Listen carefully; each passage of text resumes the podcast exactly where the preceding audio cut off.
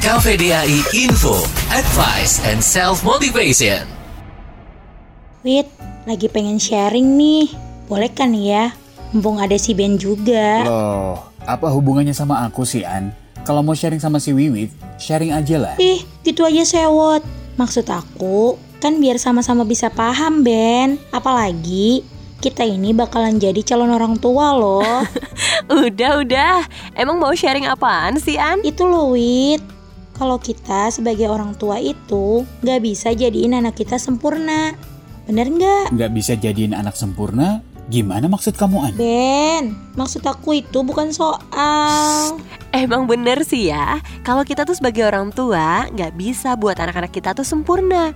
Tapi setidaknya sebagai orang tua bisa lah ya jadikan pribadi si anak itu yang enggar menyakiti siapa pun. Masuk binatang atau tumbuhan gitu ya? Iya dong, karena binatang dan tumbuhan kan makhluk hidup juga. Oh, ngebahas kecerdasan batin tuh.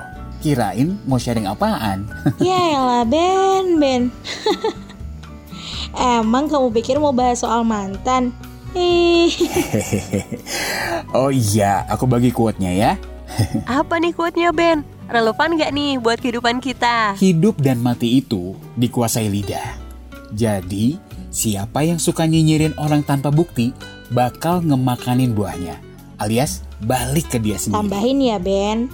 Kalau mau hidup kamu damai, jauhin deh si pencemooh. Biar nggak ada pertengkaran. Kalau nggak ada pertengkaran yang pasti, nggak akan ada juga pembantahan dan cemoohan. Terus kalau kamu suka ninggiin diri, kamu bakalan direndahin. Dan kebalikannya juga, kalau kamu ngerendahin diri alias rendah hati, kamu bakalan ditinggiin. Itu bukan sekedar quote, tapi dalam banget. Balik lagi ke bahasan sebelumnya.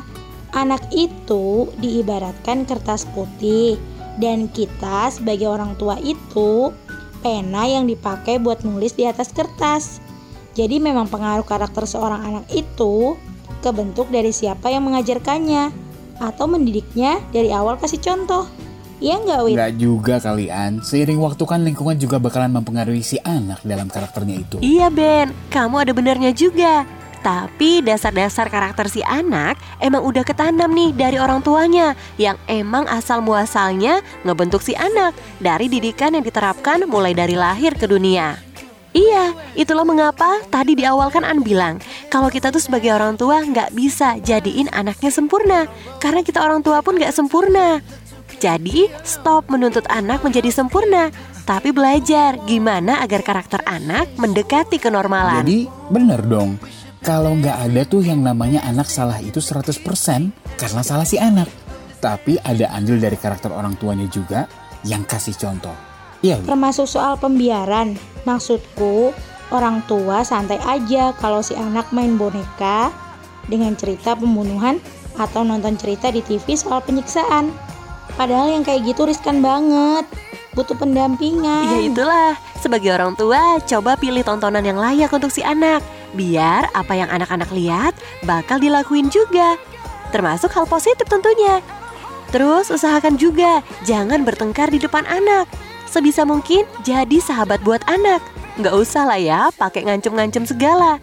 Coba bikin aja kesepakatan bersama gitu. Karena karakter anak itu kan dibentuk sejak dini. Dan orang tuanya lah pembentuk itu, bukan orang lain. Yang jadi pertanyaannya sekarang adalah, apakah si anak nantinya diarahkan atau dididik dan diajarkan orang tuanya?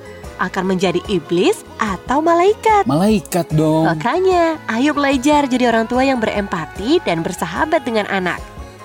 Karena jadi orang tua itu nggak mudah, butuh mental dan batin yang harmoni.